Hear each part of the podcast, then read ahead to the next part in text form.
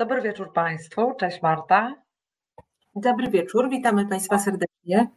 Jak zwykle przeraziłam się, że nikogo nie ma, ale jak tylko zaczęłam mówić, to pan Adrian Jasiński dodał mi otuchy, pisząc: Dobry wieczór, witam bardzo ciepło. Witamy pana, panie Adrianie, również bardzo ciepło i wszystkich naszych słuchaczy. Dzisiaj mamy temat trochę mm, no, kryminalne to może za dużo powiedziane, ale chciałybyśmy z Państwem i z naszą gościnią porozmawiać na temat kryzysów, jakie goszczą niestety w różnych systemach sądownictwa europejskiego. Ja nazywam się Jolanta Jerzeska e, i jestem sędzią, o czym pewnie większość z Państwa już wie. Prowadzi ze mną program Marta Korzuchowska-Warewota, która tu też jest sędzią, a naszą gościnią będzie trzecia sędzia, czyli pani sędzia Monika Frąckowiak. Zapraszamy Dobry Monikę. Zapraszamy Monikę. Zapraszamy Monikę. Monika, martwimy się sytuacją w naszym e, sądownictwie, która tak naprawdę nie jest, myślę, kryzysem tak dosłownie w sądownictwie, ale kryzysem praworządności, bo to sądownictwu jakby odbiera się jego pozycję, e, którą powinno mieć w demokratycznym państwie, w którym obowiązuje trójpodział władzy. Ale nie jesteśmy jedynym państwem Europy, które jakieś kryzysy przechodzi, ale myślę, że tam można mówić o kryzysach raczej w sądownictwie, e, niż w praworządności, bo oni ją dopiero budują tak trochę bardziej niż my, prawda? Czy to tak rzeczywiście jest? To znaczy tak.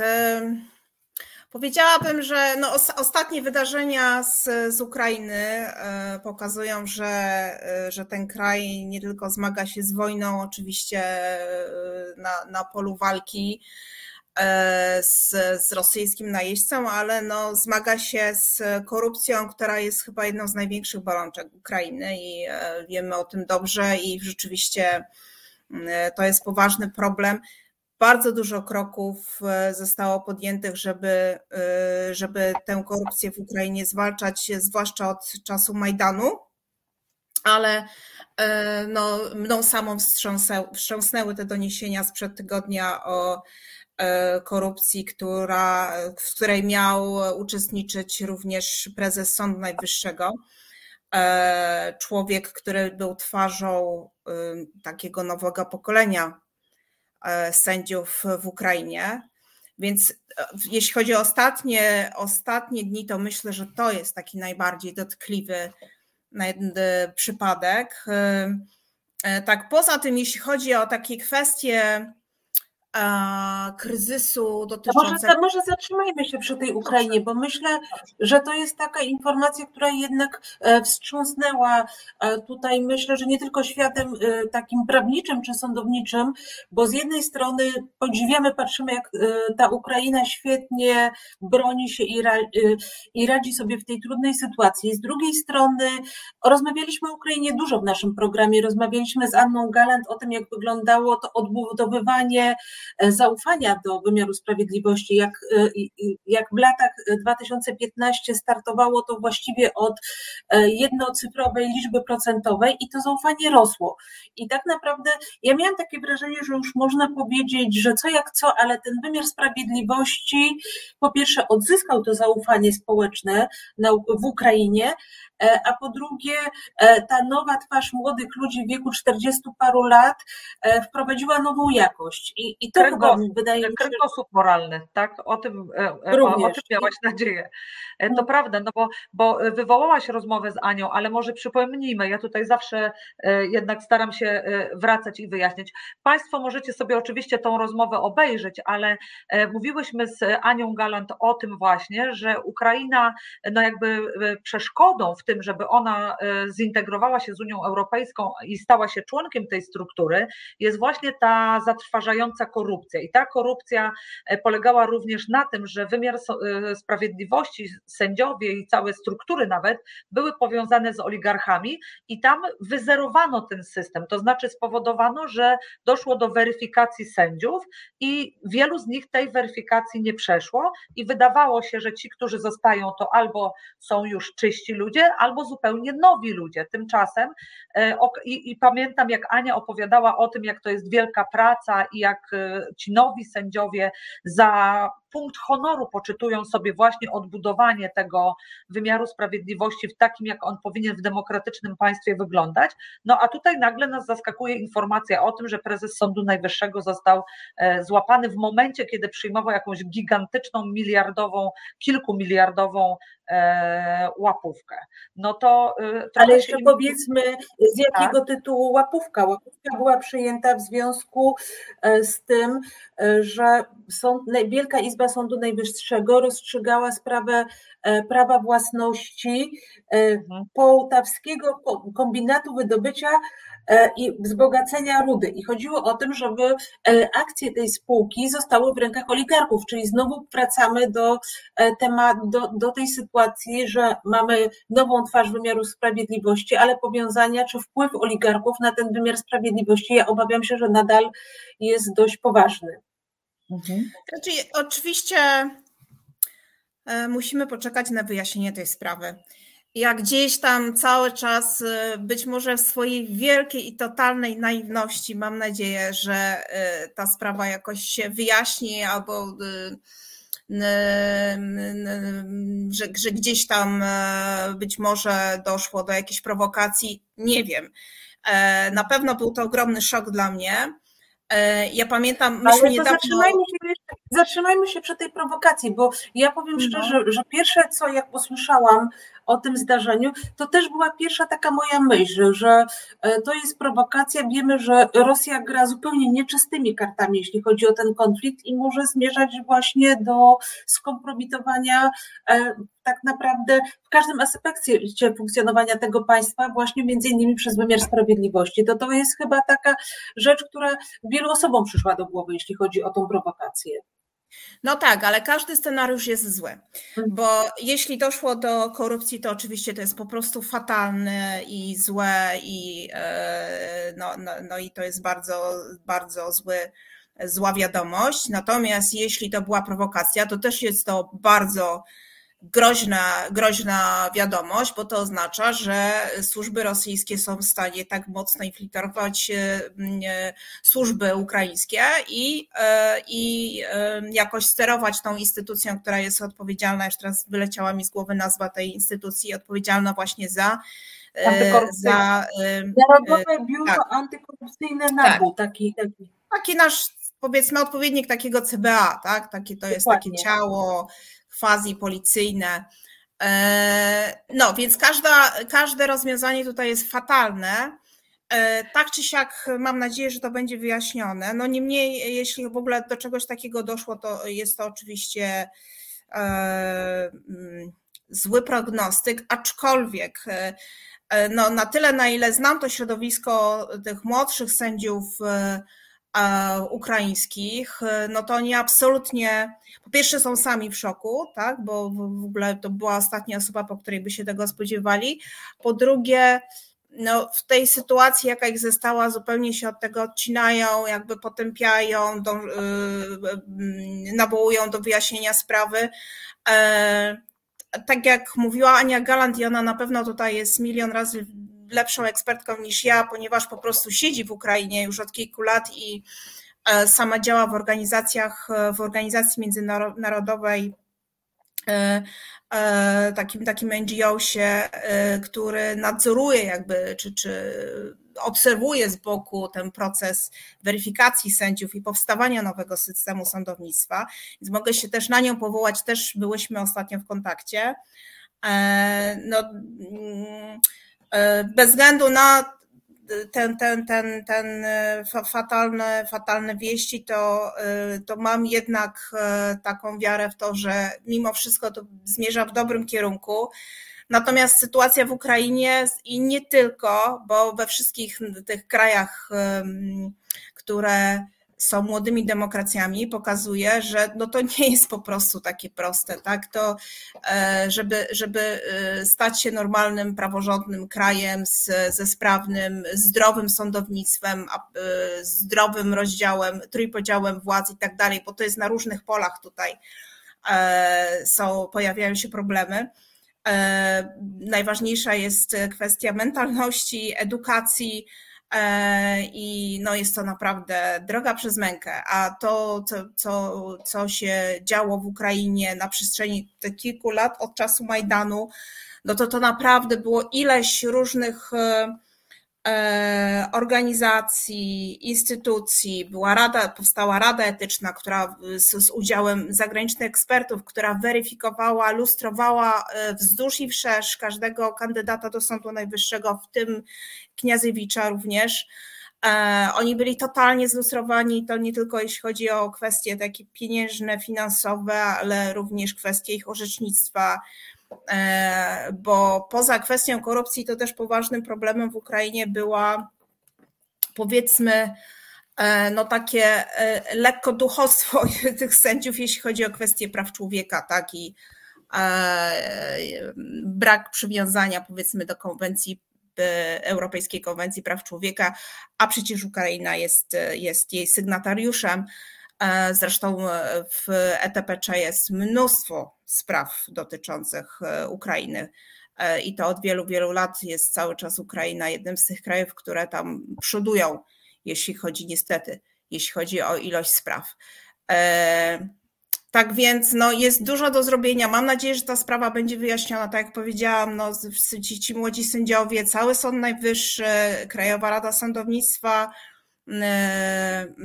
odcinają się od, od prezesa, on została wyrażona zgoda na to, żeby, żeby, żeby tutaj wszcząć postępowanie karne, także bez względu na, to, na dramat tej sytuacji mam nadzieję, że to jednak pójdzie w dobrym kierunku.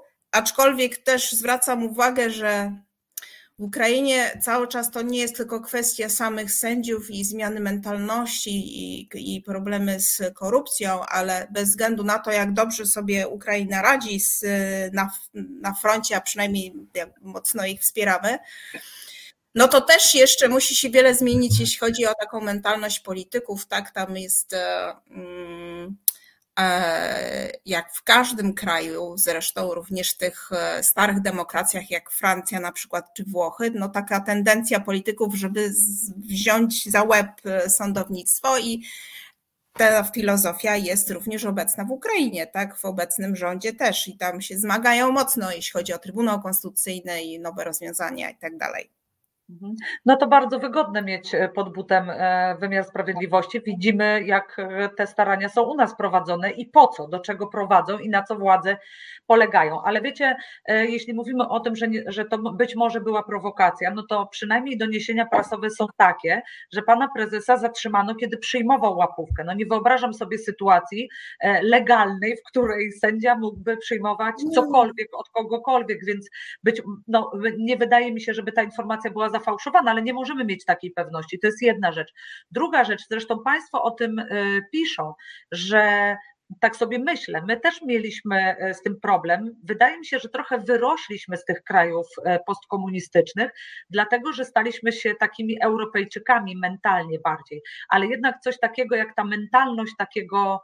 Hmm, no, taka, taka postsowiecka, taka, w której wszystko ma być na baczność, takie spaczenie komunizmem, to jest coś, co mamy trochę wdrukowane. My pewnie jesteśmy ostatnim pokoleniem, znaczy ja jestem troszkę może starsza od Was, ale jesteśmy ostatnim pokoleniem, który taki e, ZSM polski e, jakiś e, sznyt mamy w sobie, a oni muszą z tego po prostu wyrosnąć i im pewnie jest dużo trudniej jednak niż nam, bo oni byli Republiką Rosyjską, a my jednak nie byliśmy Republiką, prawda? No zdecydowanie tak, zdecydowanie tak i e, jak tak spojrzymy też na nas, e, na, na nasze środowisko, e, to oczywiście myślę, że jeśli chodzi o kwestię korupcyjną, to, to Absolutnie nie mieliśmy y, takich problemów. Ja w ogóle nie słyszałam nigdy, szczerze mówiąc, w moim środowisku tutaj poznańskim, żeby doszło do jakiejś korupcji. Były takie sytuacje w latach 90. Y, było dwóch sędziów skazanych, y, wylecieli z zawodu i potem w ogóle to rzecz nie do pomyślenia w ogóle, jak byłam na aplikacji, żeby, żeby ktoś co, coś komuś proponował. Natomiast y, y, myślę, że zmagamy się i to w związku z tym mamy teraz obecne problemy, myślę, na przykład z kwestią samorządności, nie byliśmy tego nauczeni w ogóle, nie? że jakby bierzemy pewne rzeczy w swoje ręce i stanowimy część społeczeństwa obywatelskiego i, e, i wręcz odwrotnie w naszym środowisku była tendencja taka izolacyjna, żeby absolutnie się nie zrzeszać, bo to się jakoś kojarzyło źle z partią albo bardzo źle rozumieliśmy mm, takie wszelkie formuły zrzeszania i tak dalej. E, I właśnie odpowiedzialnej samorządności e, i to zostało też wykorzystane w jakiś sposób przez obecnie rządzących według mnie. Więc na różnych polach mamy e, schedę po komunizmie e, i to różnie wygląda w różnych państwach. Myślę, że u nas nie ma kwestii korupcji, przynajmniej jeśli już to jakieś marginalnej, w marginalnym wymiarze, natomiast były inne problemy. W Ukrainie jest ewidentnie korupcja, zresztą nie nawet... mamy takich oligarchów może, wiesz Monia, może to jest trochę, myślę... także nie ma, no nie wyobrażam sobie, mnie w życiu, no mogę się przyznać, miałam w życiu jedną propozycję korupcyjną, a nawet mówię to z mocnym przekąsem, polegała ona mianowicie na tym, że przed jakimiś świętami e, partnerka E, oskarżonego, którego trzymam w areszcie, przyniosła mi Rafaello. I pamiętam, że z tym Rafaello biegłam za nią e, przez sąd, ponieważ stanowczo powiedziałam, że go nie przyjmę, ale ona go postawiła przy drzwiach i wyszła. No więc ja z tym Rafaello biegłam za nią. To była moja jedyna propozycja korupcyjna. Proszę Państwa, nie ugięłam się, oddałam e, to Rafaello. Ale Mar musimy na chwilę, Monika, odejść od tematu, bo program nasz jest edukacyjny, a tutaj Państwo na czacie pytają, co to jest za stowarzyszenie MEDEL? Czy mogłabyś nam wyjaśnić? Proszę Państwa, Monika jest osobą bardzo ważną w MEDEL. Słuchamy Cię, Monika. Dobrze, to Bedel yy, spróbuję powiedzieć po francusku. To jest z francuskiego skrót Magistrat Européen pour la démocratie et liberté, czyli sędziowie i prokuratorzy europejscy dla demokracji i wolności. Jest to stowarzyszenie, które powstało w 1985 roku. E, zrzeszające stowarzyszenia e, zarówno sędziowskie, jak i prokuratorskie, co jest dosyć unikalnym rozwiązaniem. Jest, jesteśmy jedyną taką, e, taką organizacją. Zrzeszamy mm, stowarzyszenia sędziowskie, prokuratorskie z całej Europy, nie tylko z Unii Europejskiej. Mamy w związku z tym na przykład Stowarzyszenie z Mołdawii, gdzie swoją drogą też są poważne problemy korupcyjne właśnie. Mamy Serbów, ale tutaj z Polski na przykład e, jest Justicja, jest Lex Super, u mnie od kilku lat, teraz stara się zostać członkiem Temis. Mamy silną reprezentację południowej Europy, Włochy, Portugalia, Grecja, Hiszpania. E, e, Francja, Niemcy, e, teraz Czechy. Nie jestem w stanie teraz wszystkich, Węgrzy niedawno do nas dołączyli, powstało niezależne stowarzyszenie węgierskich sędziów, także no jest to dosyć prężna. Pamiętasz tak, potrafisz z głowy powiedzieć, ilu Węgrów wstąpiło, mam na myśli węgierskich sędziów, wstąpiło do takiego stowarzyszenia, bo tam też nie jest za dobrze. 40. Co jest i tak sukcesem, ponieważ e, to jest w ogóle na osobną audycję, myślę, temat. E, trzy lata temu. Ale porozmawiajmy, porozmawiajmy trochę Porozmawiajmy trochę o Węgrzech, bo ja miałam e, nawet pomysł, żeby zapytać Cię o to, Moniko, ponieważ mhm. jeśli szukasz jakichś ostatnich doniesień prasowych, co się dzieje na Węgrzech w wymiarze sprawiedliwości, e, to pierwsze, co pojawia się informacja, że Orban ugina się przed Unią Europejską e, i decyduje się na wprowadzenie zmian i reform, żeby pozyskać fundusze. Czy to się zgadza? Tak i nie. Tak i nie. Bo on trochę Muszę zacznę, może tak, bo Orban jest doskonałym manipulatorem, politykiem e, i kreatorem takich zasłon dymnych. Jest, myślę, że nasi politycy jeszcze mają się bardzo, bardzo wiele jeszcze mogliby się nauczyć od swojego węgierskiego kolegi, e, ponieważ on doprowadził to do mistrzostwa. Ale powiem jeszcze chwilkę, tylko w ogóle jeśli chodzi o samo to Stowarzyszenie Węgierskich Sędziów, trzy lata temu to było tuż przed pandemią i tuż przed, czy tuż po Marszu Tysiąca Tuk Amnesty International Węgry i Polska zorganizowały takie sekretne spotkanie na Węgrzech e, członków e, Justicji, Temisu, Lex Super Omni z mm, trzema, czy przepraszam, pięcioro sędziów tam było z Węgier, którzy zdecydowali się coś robić e, tam na miejscu. Nikt nie wiedział, gdzie to spotkanie będzie miało miejsce. Słuchajcie, środek Europy, Unia Europejska e, i myśmy musieli gdzieś zostawić telefony i to było w jakimś top secret w ogóle miejscu, nie wiadomo gdzie nas wywieźli, żeby nikt się nie zorientował, nie wiedział, że jest takie spotkanie e, Polska-Węgry. Na początku oni, jak tłumaczyliśmy im, że y, co robimy, robimy kafejki prawne, spotykamy się z obywatelami, e, robimy to, tamto. E, I pamiętam, że oni mówili, no ale przecież u nas by zrobili nam dyscyplinarki. I my mówiliśmy, no ale nam już zrobili i co?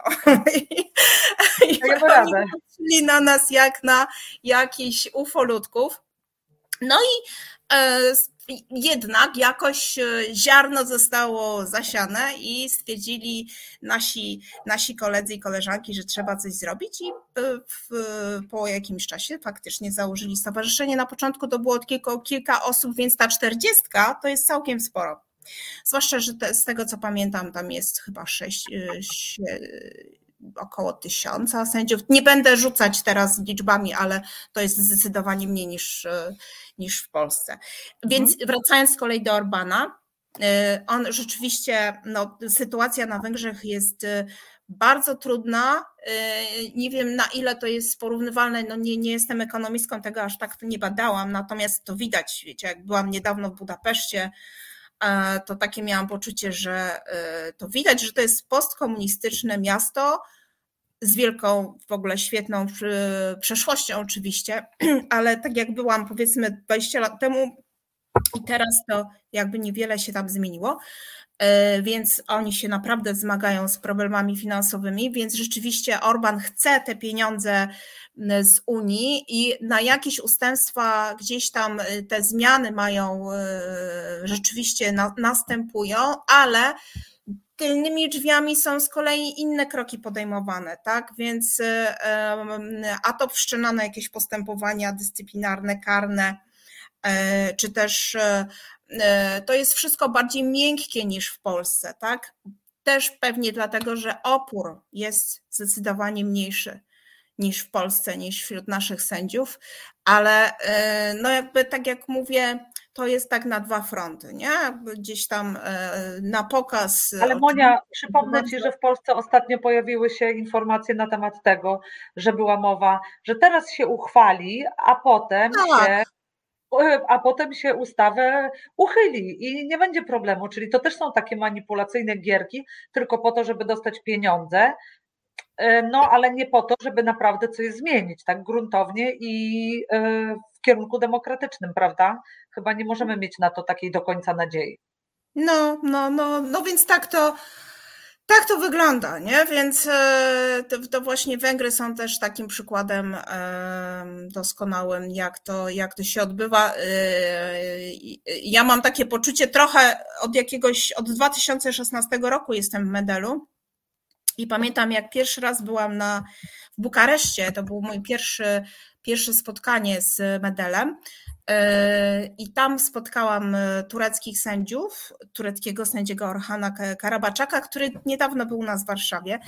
E, I się śmialiśmy wtedy, że Turcja zaczęła, to znaczy Erdogan, tę taką drogę ku zdeptaniu niezależności sądownictwa. Potem przyszedł Orban, no i, no i potem Kaczyński. Wszyscy się chyba raz po raz spotykają na jakichś szkoleniach i, i, i uczą od siebie nawzajem. Yy, ja nawet ostatnio za, zażartowałam sobie, że e, premier Izraela Netanyahu dołączył do tej grupy, tylko miał za no mało tak. chyba takiej determinacji, ale, ale wzorce. No, miał e, też opór, Marta, miał też opór. No. Jedno i drugie myślę, że tutaj zadziałało opór i determinacja. Ale no Monia, tak, zresztą. Aha. Tak, tak, no zresztą to jest, to przyznał, tak, wiceminister sprawiedliwości, że przecież się konsultowano z naszymi mhm z naszymi no dlatego obywatele, dlatego obywatele Izraela krzyczeli, nie pozwolimy zrobić e, tutaj Polski. To strasznie e, jednak. Ani Polski, ani to Węgier. Uderzyło. Tak. Słucham? Oni używali dwóch porównań, do Polski i do Węgier. No właśnie. Ale zobaczcie, gdyby było rzeczywiście tak, że Turcja zaczęła tą fatalną falę dla demokracji, to być może Turcja by ją mogła skończyć niedługo. Czekamy na drugą turę wyborów, tylko no właśnie, ten w kontekście Turcji. Wynik jest chyba tak wyrównany, że ciężko e, cokolwiek e, w tym momencie prognozować. Czy ty, Moniko, masz od sędziów tureckich jakieś informacje, jak, jak oni patrzą w tej chwili na tą drugą, drugą turę wyborów? Czy mają nadzieję w sercu, że, że to może być koniec Erdogana? Raczej pesymistycznie są nastawieni. Przynajmniej ci sędziowie, no, ci, z którymi mam kontakt nie mieszkają już w mhm. Turcji, więc e, mają takie, takie zewnętrzne spojrzenie. E, wybory w Turcji na pewno nie są e, równe, na pewno nie są wolne, nie spełniają tych wszystkich przesłanek takich prawdziwych demokratycznych wyborów. I, I przy tym wyniku, który jest, i być może tak jest, że on jest mniej więcej wyrównany, no ale tutaj naprawdę niewiele trzeba e, jakiejś tam małej presji, mniejszej czy większej w jednym czy w drugim miejscu. E, i w związku z tym raczej są pesymistyczne nastroje, ale tak na, gdzieś tam nadzieja ciągle w sercu jest.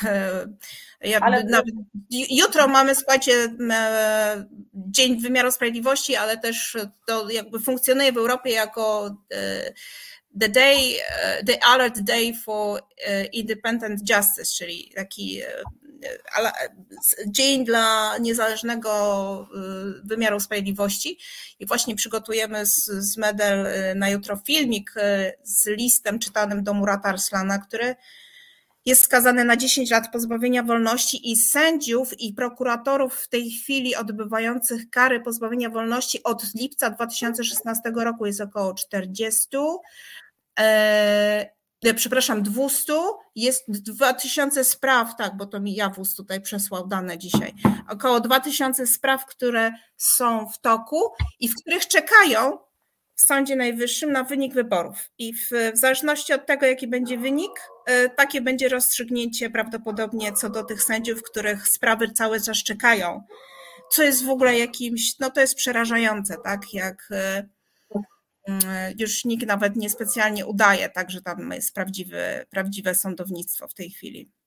No dobrze, Monika, ale właśnie zatrzymajmy się przy tym, no bo to trzeba powiedzieć, że Turcja jest krajem, w którym wydarzyły się rzeczy najstraszniejsze. To znaczy, że tam nie tak. dość, że są postępowania karne wytoczone przeciwko sędziom, to jeszcze są sędziowie skazani i tacy, którzy już od paru lat siedzą w więzieniu. Niektórzy uciekli z Turcji, ponieważ tam nie byli bezpieczni, groziły im właśnie e, więzienie, pewnie wieloletnie, e, żeby nasi widzowie mieli świadomość, o czym my, my mówimy w ogóle, jeśli idzie o Turcję. Dobrze, nie wiem, czy my mamy teraz przerwę, bo jeśli nie, to ja. Przy, jak... Nie, bardzo Dobrze. prosimy. To y,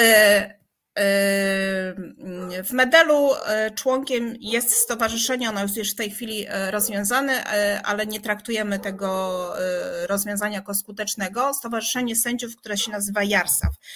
E, I tak naprawdę od iluś lat przed 2016 rokiem e, nasi koledzy i koleżanki mówili o stopniowym przejmowaniu sądownictwa przez władzę wykonawczą, a to na przykład, na przykład ten sam wzór. Krajowa Rada Sądownictwa, tak, poszła e, pod but rządzących. Tam były takie sytuacje, że na początku wybory do Krajowej Rady Sądownictwa, gdzieś to było chyba w 2014 roku, z tego co pamiętam, pamiętam, e, miały pozory takich e, normalnych jeszcze wyborów, to rzeczywiście mieli być wybrani przedstawiciele sędziów.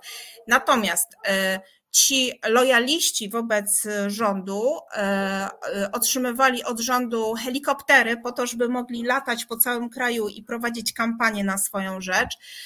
Były to często osoby, które miały jakieś postępowania dyscyplinarne i, i zagwarantowano im, jakby dokonano abolicji wobec nich i, i, i amnestii i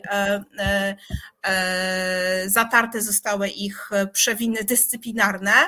E, natomiast ci e, sędziowie, którzy e, startowali, ci wolni sędziowie, niezależni do Krajowej Rady Sądownictwa, i osoby, które ich wspierały, miały czy to postępowania dyscyplinarne, karne, jakieś zarzuty, tak, były propaganda w mediach, czyli też to wszystko w sumie, co, co znamy też z Polski, tylko na o wiele większą skalę.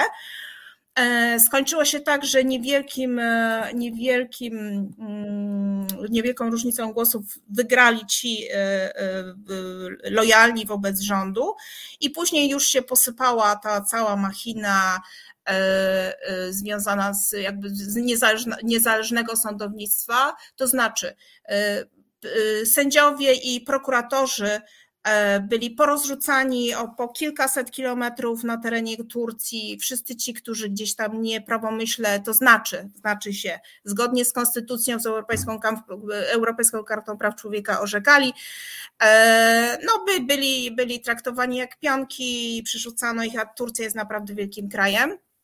E, wszczelane były postępowania dyscyplinarne i w 2016 roku w lipcu doszło do domniemanego puczu na razie jeszcze ciągle nie wiemy, y, jakie były kulisy tego, tego puczu. To znaczy, wojskowi mieli przygotować zamach, żeby przejąć władzę, y, od, y, utrącić Erdogana i przejąć władzę w Turcji. Myślę, że kiedyś dowiemy się, co tak naprawdę się wówczas wydarzyło. Natomiast Erdogan udało mu się po kilku, kilkunastu godzinach z powrotem przyjąć władzę. E, Osob, powiedział o tym wydarzeniu kilka razy, że to był dar od Boga, to co się wydarzyło wówczas, e, to był chyba 16 lipca, w nocy z 16 lipca, że to był dar od Boga dla Turcji. E, I okazało się wówczas, że jedną z pierwszych rzeczy, którą zrobiono, to była sobota rano, pamiętam, to była masowe aresztowania sędziów i prokuratorów. Również dziennikarzy, tak i naukowców. Dziennikarze też byli mocno nacenzurowanych im są w Turcji, natomiast to było 4,5 tysiąca około osób zostało natychmiast aresztowanych spośród sędziów i prokuratorów na podstawie list proskrypcyjnych przygotowanych dwa lata wcześniej. A skąd wiemy, że dwa lata wcześniej? Ponieważ na tych listach znajdowały się osoby, które już dwa lata wcześniej na przykład zmarły albo były sądy i do nich przypisane e, placówki prokuratury, z których już dwa lata temu gdzieś indziej zostali przeniesieni, więc było jasne, że to już było wcześniej przygotowywane. E, I e, to, w jaki sposób postępowania te karne, quasi karne wobec nich się toczyły, no to, to, to, to była absolutnie, absolutny teatr. E, jednym, w jednym z takich postępowań e, został, e, jedno z takich postępowań zostało przeprowadzone przeciwko właśnie Muratowi Arsanowi, który był prezesem Stowarzyszenia Jarsaw. Zresztą to stowarzyszenie zaraz zostało rozwiązane po tych wydarzeniach z lipca. I na kompletnie jakichś sfingowanych dowodach e, e, rzekomej kooperacji z, z taką frakcją gulenistów, która jest pojmowana jako zwalczająca prawowitą władzę w Turcji, został skazany na 10 lat więzienia. Dodatkowo potem jeszcze, żeby pokazać w ogóle absurd tego wszystkiego, na podstawie listu, który Murat wysłał do swojej żony z więzienia, gdzie e, wskazał, że ten system jest niesprawiedliwy i coś, coś, coś takiego ogólnego napisał, został skazany na dodatkowe, już nie pamiętam ile, e, ile lat, tak, e, ale to no wiecie, prywatny list, tak, gdzie nigdzie przecież to nie jest publikowane. E, I, i, i ostatnio też, też wiem, że jakiś kolejny zarzut został mu postawiony. I w tej sytuacji, tak jak mówię, jest około 200 innych sędziów i prokuratorów. Więc ta sytuacja jest naprawdę tam dramatyczna. Wielu, na szczęście, znaczy wielu. No, osobiście znam bardzo dobrze dwóch sędziów, trzech, przepraszam, sędziów z Turcji, którym udało się uciec również w dramatycznych e, okolicznościach. Jednemu na łódce, tak, przez morze do Grecji, drugi uciekał lasami z rodziną z, przez Bułgarię do Rumunii, a trzeci gdzieś tam też e, przez jakąś zieloną granicę. E, gdyby oni nie uciekli, podzieliliby los Murata Arslana prawdopodobnie i dzięki temu, że są w ogóle też mamy, mamy mamy jakieś wiadomości co do tego, co się dzieje w Turcji. E, mm, niedawno Medel kilka miesięcy temu przystąpił do zawiadomienia Międzynarodowego Trybunału Karnego w Hadze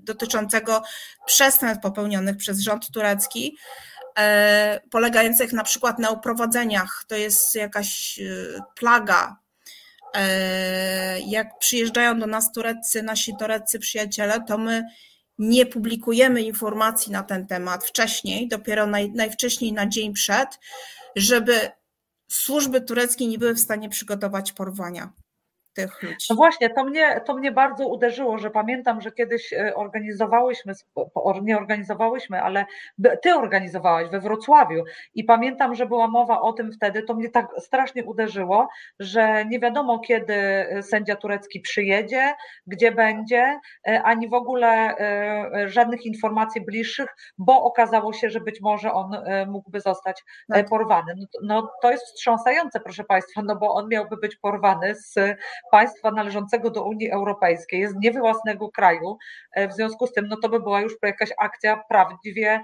e, terrorystyczna, prawda? No dobra, miałyśmy. Co, no, ja powiem szczerze, że mnie tutaj wszystko przeraża i y, ta historia trzech sędziów, których ucieczki, no nie wiem, można porównać do sytuacji y, światowych konfliktów zbrojnych, nie wiem, sytuacji, kiedy ktoś w czasie II wojny uciekał i to, że trzech sędziów uciekło, a 200 sędziów jest w więzieniach i, i również te porwania, to, to wszystko po prostu brzmi jak, jak nie z tego świata i to jest naprawdę przerażające. Ja tylko zwróciłam uwagę, że przez chwilę nasi słuchacze e, napisali, że, że nie wiem, e, adrenalina im spada i za mało się dzieje, więc może za chwilę to jest dobry moment, żeby przejść do tego, co się w Bułgarii ostatnio wydarzyło w wymiarze sprawiedliwości, bo to brzmi jak film sensacyjny. Ale wiesz co, e, Marta, oczywiście tak. Natomiast ja chciałam powiedzieć właśnie w kontekście tych komentarzy, że e, różnica też jest taka, że w takich krajach jak Izrael takie rzeczy nie mogą się wydarzyć, dlatego że władza sądownicza, e, prokuratorzy, niezależna prokuratora, prawdziwie niezależna prokuratora, i która ma dosyć dużą moc, jeśli idzie o powstrzymywanie polityków, mają wsparcie państwowe. U nas to nie jest przypadek, przypadek, że władza taką, e, taką melodię tworzy, że sędziowie, którzy bronią praworządności, to są sędziowie, którzy politykują.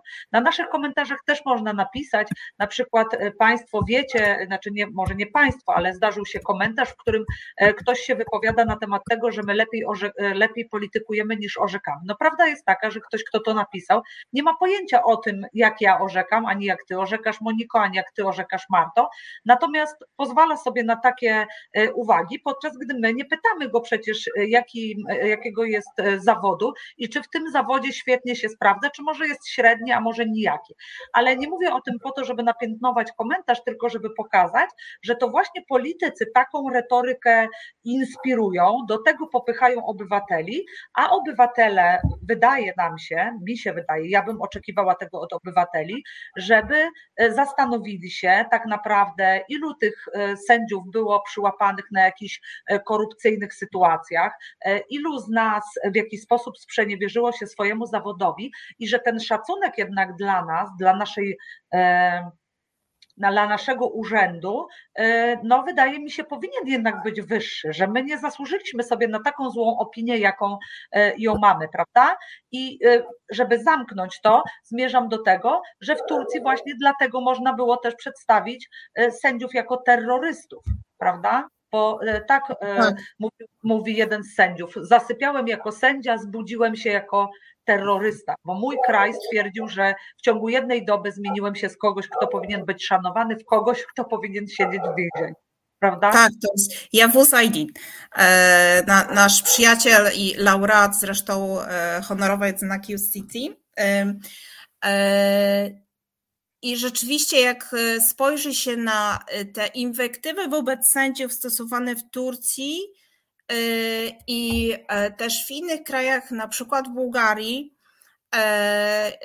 to one wszystkie mają wspólny mianownik. I, e, a więc często pojawia się to, że jesteśmy e, zagranicznymi e, agentami, donosicielami, że jesteśmy kastą, że, mm, no, że gdzieś tam spistugujemy i, i mamy, pogardzimy zwykłymi ludźmi.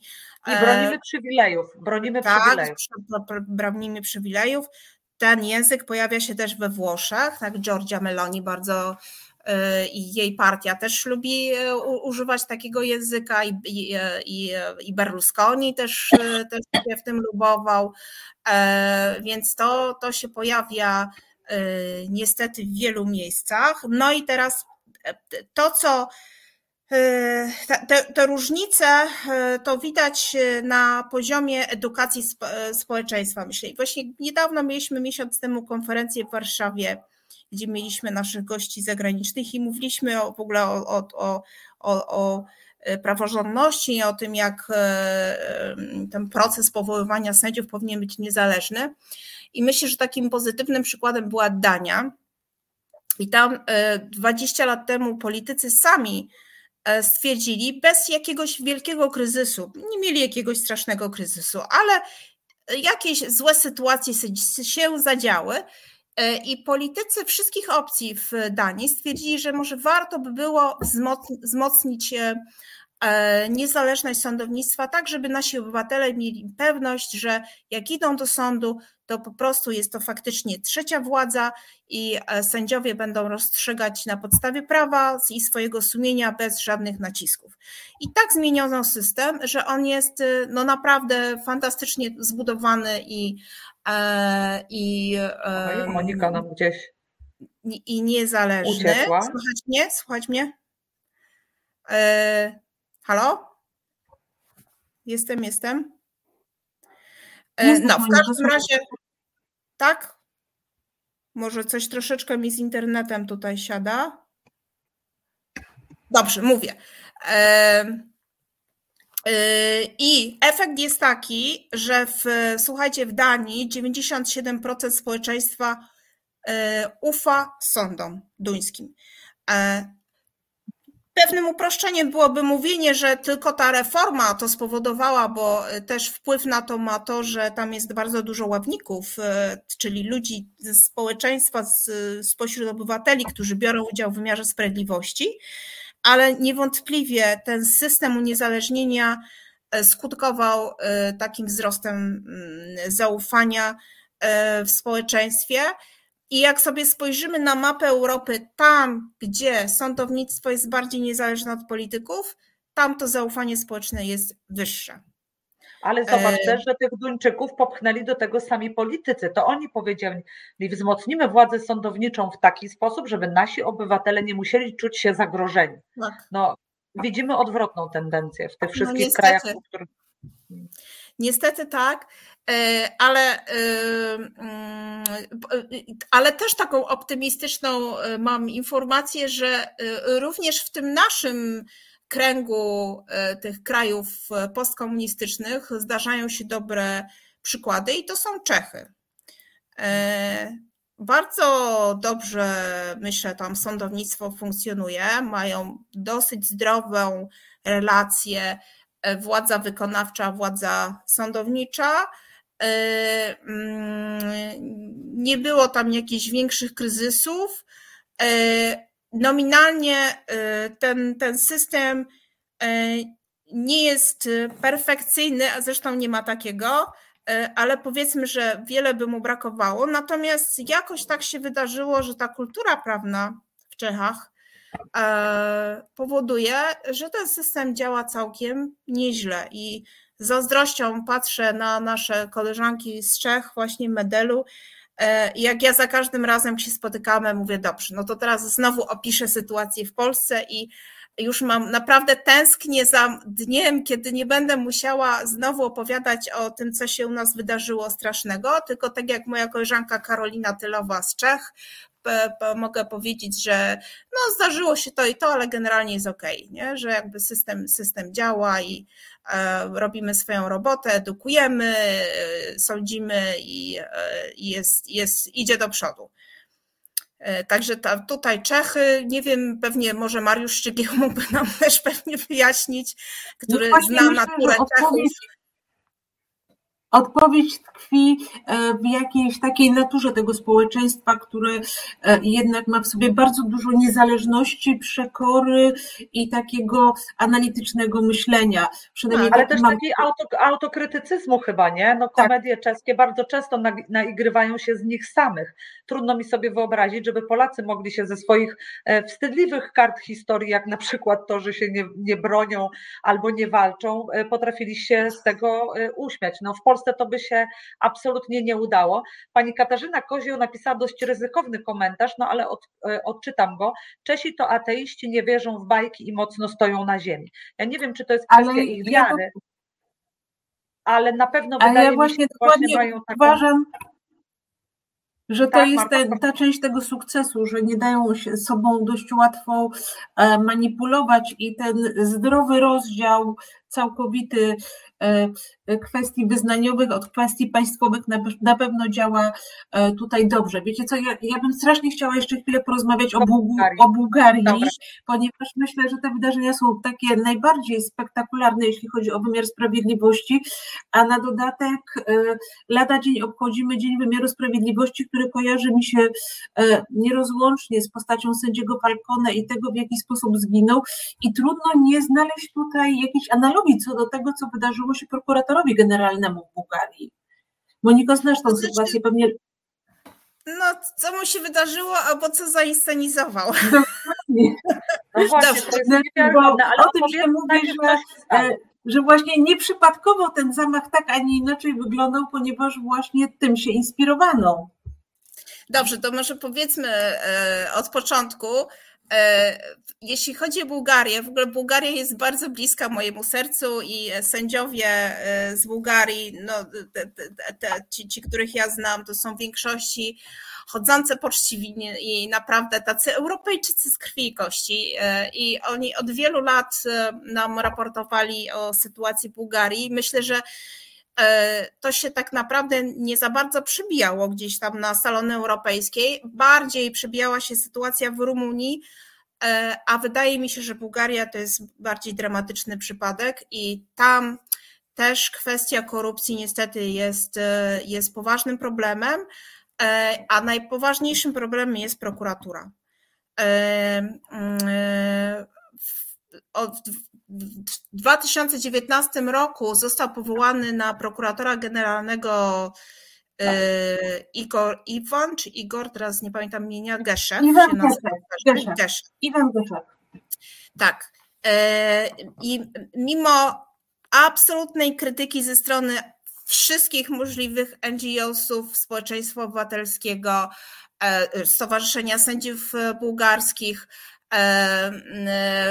opinii publicznej. E, został powołany na siedmioletnią kadencję głosami Rady Sądowniczej, która w Bułgarii wybiera zarówno sędziów, jak i prokuratorów. Ona jest tak skomponowana, że jednak większość mają te osoby, które są nominowane przez polityków.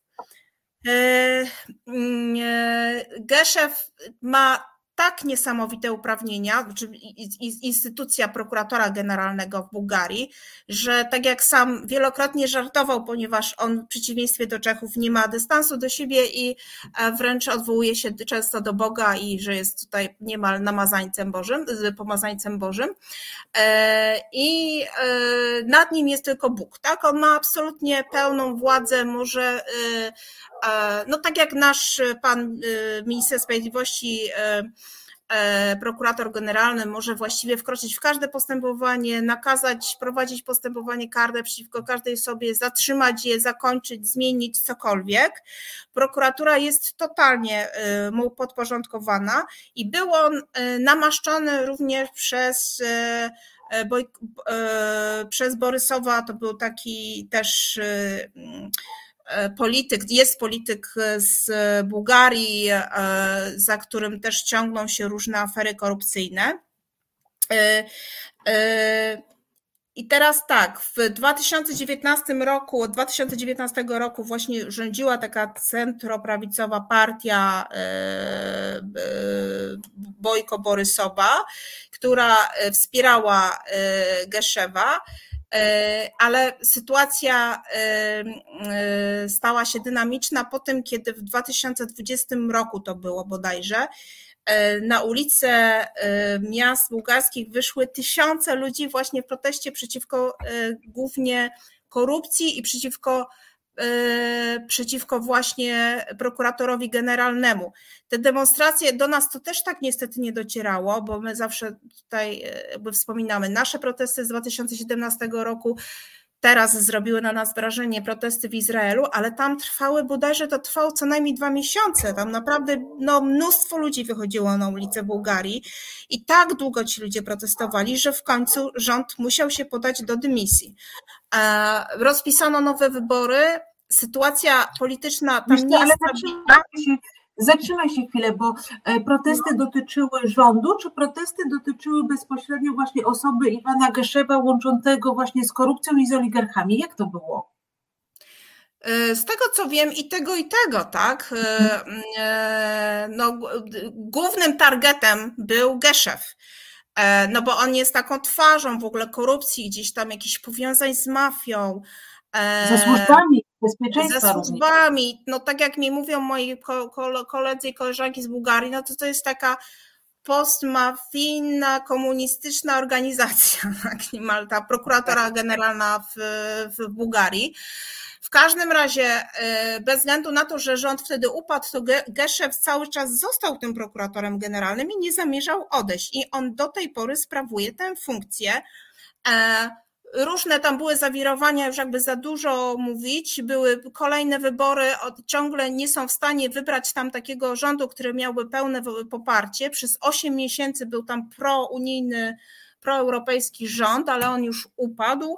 E, I teraz były wybory na początku kwietnia i e, wygrywa nieznacznie partia tego dotychczasowego przyjaciela Geszewa, ta właśnie centroprawicowa, natomiast nie jest w stanie sformułować rządu, ponieważ wszyscy, wszystkie pozostałe partie mówią, że my po prostu nie wejdziemy do tego bagna z tą partią. E, w związku z tym e, e, Bojko Borysow zaproponował, że okay, to zróbmy nowe otwarcie, zróbmy reformę wymiaru sprawiedliwości prokuratury generalnej, na co Geszew stwierdził, że on ma w zanadrzu haki na wszystkich możliwych ludzi i że on tutaj nie da się usunąć, bo były różne propozycje, jak tutaj się pozbyć tego, tegoż prokuratora generalnego i stworzyć nowe prawo i tak dalej. E, I e, e, Geszew jakby wyprzedzając mm, wydarzenia, które mogłyby go, mogłyby zwiastować jego dymisję, już chyba w marcu zrobił taką konferencję prasową, w której powiedział, że boi się o swoje życie i że jest w ciągłym zagrożeniu. Po czym po miesiącu, czy na początku maja był, e, doszło do właśnie tej sytuacji, o której mówiła Marta, czyli e, rzekomego zamachu na, e, na jego życie. Jak eksperci, dziennikarze śledczy zaczęli to badać, to tam było nieścisłości tyle, że głowa boli. I sam Geszew się mylił w tych opowieściach o tym wydarzeniu. Natomiast to, co on robi, to zwołuje co chwilę jakieś, e, jakieś konferencje prasowe, e, nawiązując do tego, że, e, że właśnie, że tutaj, ponieważ on chce oczyścić Bułgarię, to jego ryzyko, jego życie jest wystawione na ryzyko, również jego rodziny. Gdzieś tam cały czas w tle wymachuje kwitami na tych swoich byłych kolegów z różnych opcji politycznych. I tak to wygląda. To też było na tle jakiś e, też w związku z tym, że wybuchła wojna w Ukrainie, a Bułgaria jest mocno niestety infiltrowana przez Rosję. E, I, no, ale rozumiem, rozumiem, rozumiem, e, Monika, ze sposobu, w jaki opowiadasz, że istnieją wątpliwości co do tego, czy ten rzekomy, e, czy ten zamach nie był przypadkiem rzekomym zamachem przygotowanym czy zainscenizowanym przez samą ofiarę tego no, wydarzenia. No, tak to na tę chwilę wygląda. Dosyć fajny jest artykuł, chyba w zeszłym tygodniu był w Politico na, na ten temat. No tak, tak, tak, tak, tak, wiele na to wskazuje. Tam jest, wiecie, tam jest tyle szczegółów, sytuacja jest bardzo dynamiczna, to jest tak powiązane z, z prawdziwą mafią, i aż się w głowie nie mieści, że to w ogóle jest kraj w, w Unii Europejskiej i takie sytuacje mają miejsce. Powiem Ale wam, że. Zatrzymać się na tych powiązaniach, bo tak naprawdę zarówno e, Borys Bojko, jak i Iwan Geszek, jak i struktury mafijne w Bułgarii są powiązane ze służbami specjalnymi. E, I to jest ten trzon. Ludzie, którzy e, byli częścią tych służb, poszli albo w stronę polityki, albo w stronę struktur mafijnych, a ich relacje, można powiedzieć, że cały czas w jakiś sposób trwają. Przynajmniej tak wynika z tych doniesień prasowych, jeśli się nie mylę. Tak. E, e, to są, to, to, to są tego rodzaju powiązania i powiem Wam, że parę lat temu e, była taka sytuacja, że jeden z sędziów, nie wiem czy to nie, on nie był wtedy prezesem Sądu Najwyższego, sędzią karnym, on prowadził jakąś sprawę i wydał wyrok, który bardzo się nie podobał właśnie tym służbom specjalnym i, i ludziom związanym ze służbami. I czekał na niego, jak wychodził z budynku, była głowa odcięta bodajże już teraz nie pamiętam czy od barana czy od kozy, ale to jest jakiś język w ogóle tym język mafijny w Bułgarii mhm. i z, z tabliczką Panow, czyli naz, jego nazwiskiem, tak? I, więc y, te powiązania są i oni też używają takiego języka mafijnego. Y, y, ale jednocześnie powiem, że z tego, co ja widzę, obserwuję, jeśli chodzi o samych sędziów, no to zdecydowanie yy, to są w większości przynajmniej sędziowie tacy naprawdę europejscy. Yy, natomiast jeśli chodzi o właśnie kwestię prokuratury, to jest dramat, myślę, jest daleko większy niż w Polsce i naprawdę wiele będzie musiało się tam zadziać, żeby tę sytuację jakoś, jakoś wyczyścić i naprawić no wiesz, nawet jeżeli sędziowie są w porządku, to przyznam sobie szczerze, że tak. trochę chyba bym e, e, popadła na pewności siebie, e, podupadła na pewności siebie, gdyby pod moim sądem leżała odcięta głowa jakiegokolwiek bądź zwierzęcia i miała moje nazwisko, no bo to jest jednak przerażająca tak. groźba prawda? Tak. Słuchajcie, ale chyba Koza Nostra miała jakiś po, po, podobny e, system znaków i przekazywania informacji. Były jeszcze jakieś obcięte kurze. E, nie, to, to, to znowu chyba Głowa japońska. na pewno. Tak. Dobrze tak, nie wróżyła. Głowa konia, tak. Łapki kurze e, w, w, w tych strukturach wschodnioeuropejskich, mapijnych. Słuchajcie, dobiegamy do końca. Jeden z naszych gości mówi, że chciałby bardziej praktyczne tematy, ale bo jednak... protestują inni protestują. Ja, już ja wiem, ale ja się zapytam pana Remigiusza Dobosza, e, o czym praktycznym, o czym chciałby pan posłuchać, to my bardzo chętnie słuchamy e, e, też głosu naszych słuchaczy i może uda nam się coś przygotować takiego, co będzie bardziej praktyczne i edukacyjne. Ja powiem szczerze, że ja się cieszę z dzisiejszej rozmowy, bo ja się sama dużo od Moniki dowiedziałam ciekawych informacji, mimo że staram się śledzić to, co dzieje się na świecie, ale dzięki właśnie tej swojej pozycji myślę, że Monika ma kontakt e, z wieloma sędziami i, i, i zna te sprawy o wiele e, bardziej szczegółowo niż nawet to, co możemy w mediach usłyszeć. No w ogóle to, to jest pasjonujące uczestniczyć, być w tym środowisku prawników europejskich, sędziów i prokuratorów, ma się też inną perspektywę na to, co się dzieje u nas. Ale tak naprawdę trzon jest, zawsze wracamy do tego, tego samego. Edukacja, edukacja i jeszcze raz edukacja społeczeństwa obywatelskiego. Zanim Ci zadamy ostatnie pytanie, chciałam tak podsumować naszą rozmowę, no bo jednak jest to w jakiś sposób przerażające, że w XXI wieku wydawałoby się, że, e, że już naprawdę no, nic się takiego strasznego nie może dziać. Mamy struktury mafijne w prokuraturze, mamy sfingowane, e, sfingowane zamachy, e, sędziów w więzieniu. No to jest naprawdę przerażające. Ale mam nadzieję, że ta era się skończy. No niestety taki kryzys praworządności, czy w ogóle władzy, władzy sądowniczej rzeczywiście nam nastał, ale mam nadzieję, że to się skończy. Natomiast e, Marta e, chciała, e, wiem, wyświetlić komentarz pani Sylwii Nowak. Myślę, że to będzie dobre zakończenie programu. Czy mamy przygotowany ten komentarz? Mogę poprosić? Znaczy nie tylko ja, bo tam jeszcze słuchacze inni pisali, że też są ciekawi tej odpowiedzi. Co, co... O właśnie. Mamy, mamy to pytanie. Mam pytanie do sędzi Frąckowej w nieco innym temacie. Czy przyjęła Pani przeprosiny sędziego Arkadiusza Cichockiego, które zostały pokazane w jednym z programów czarno na białym w TVN24? Chodziło o to, że on był, e, no, jak sam twierdzi, częścią, e, częścią e, takiego, no, mm, nienawistnego, e, nienawistnej grupy na komunikatorze, która zamachiwała się między innymi na panią sędzię Frąckowiak. Przyjęłaś Monika przeprosiny pana sędziego Cichockiego? Ja nie miałam e, z panem sędzią kontaktu i właściwie to było tylko w takiej formule, że w, na ekranie usłyszałam e, te przeprosiny. To znaczy, ja powiem, powiem tak, jakby szanuję to, że, y, że pan sędzia y, podjął decyzję o tym, żeby, żeby opowiedzieć, co się wydarzyło, i rozumiem, że gdzieś tam się z tym zmaga. Natomiast chciałabym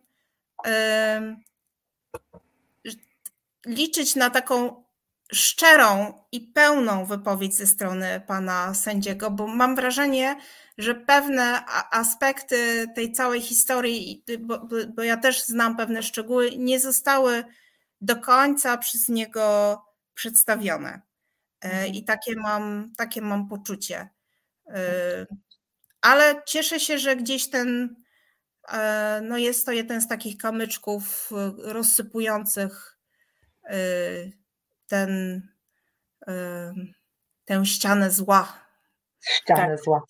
Ja e, chciałam powiedzieć, że to nie były tylko nienawistne e, komentarze na, na komunikatorach, to była też, e, to, je, to jest grupa Casta Watch, która działała i chyba nadal działa na Twitterze, która po prostu dopuszczała się pomówień i oszczerstw w stosunku do, do członków justycji i, i wiele osób właśnie tą bronią e, oberwało. Toczy się cały czas postępowanie. Ja właśnie wczoraj dostałam list polecony z prokuratury w Świdnicy, ale końca tego postępowania nie widać.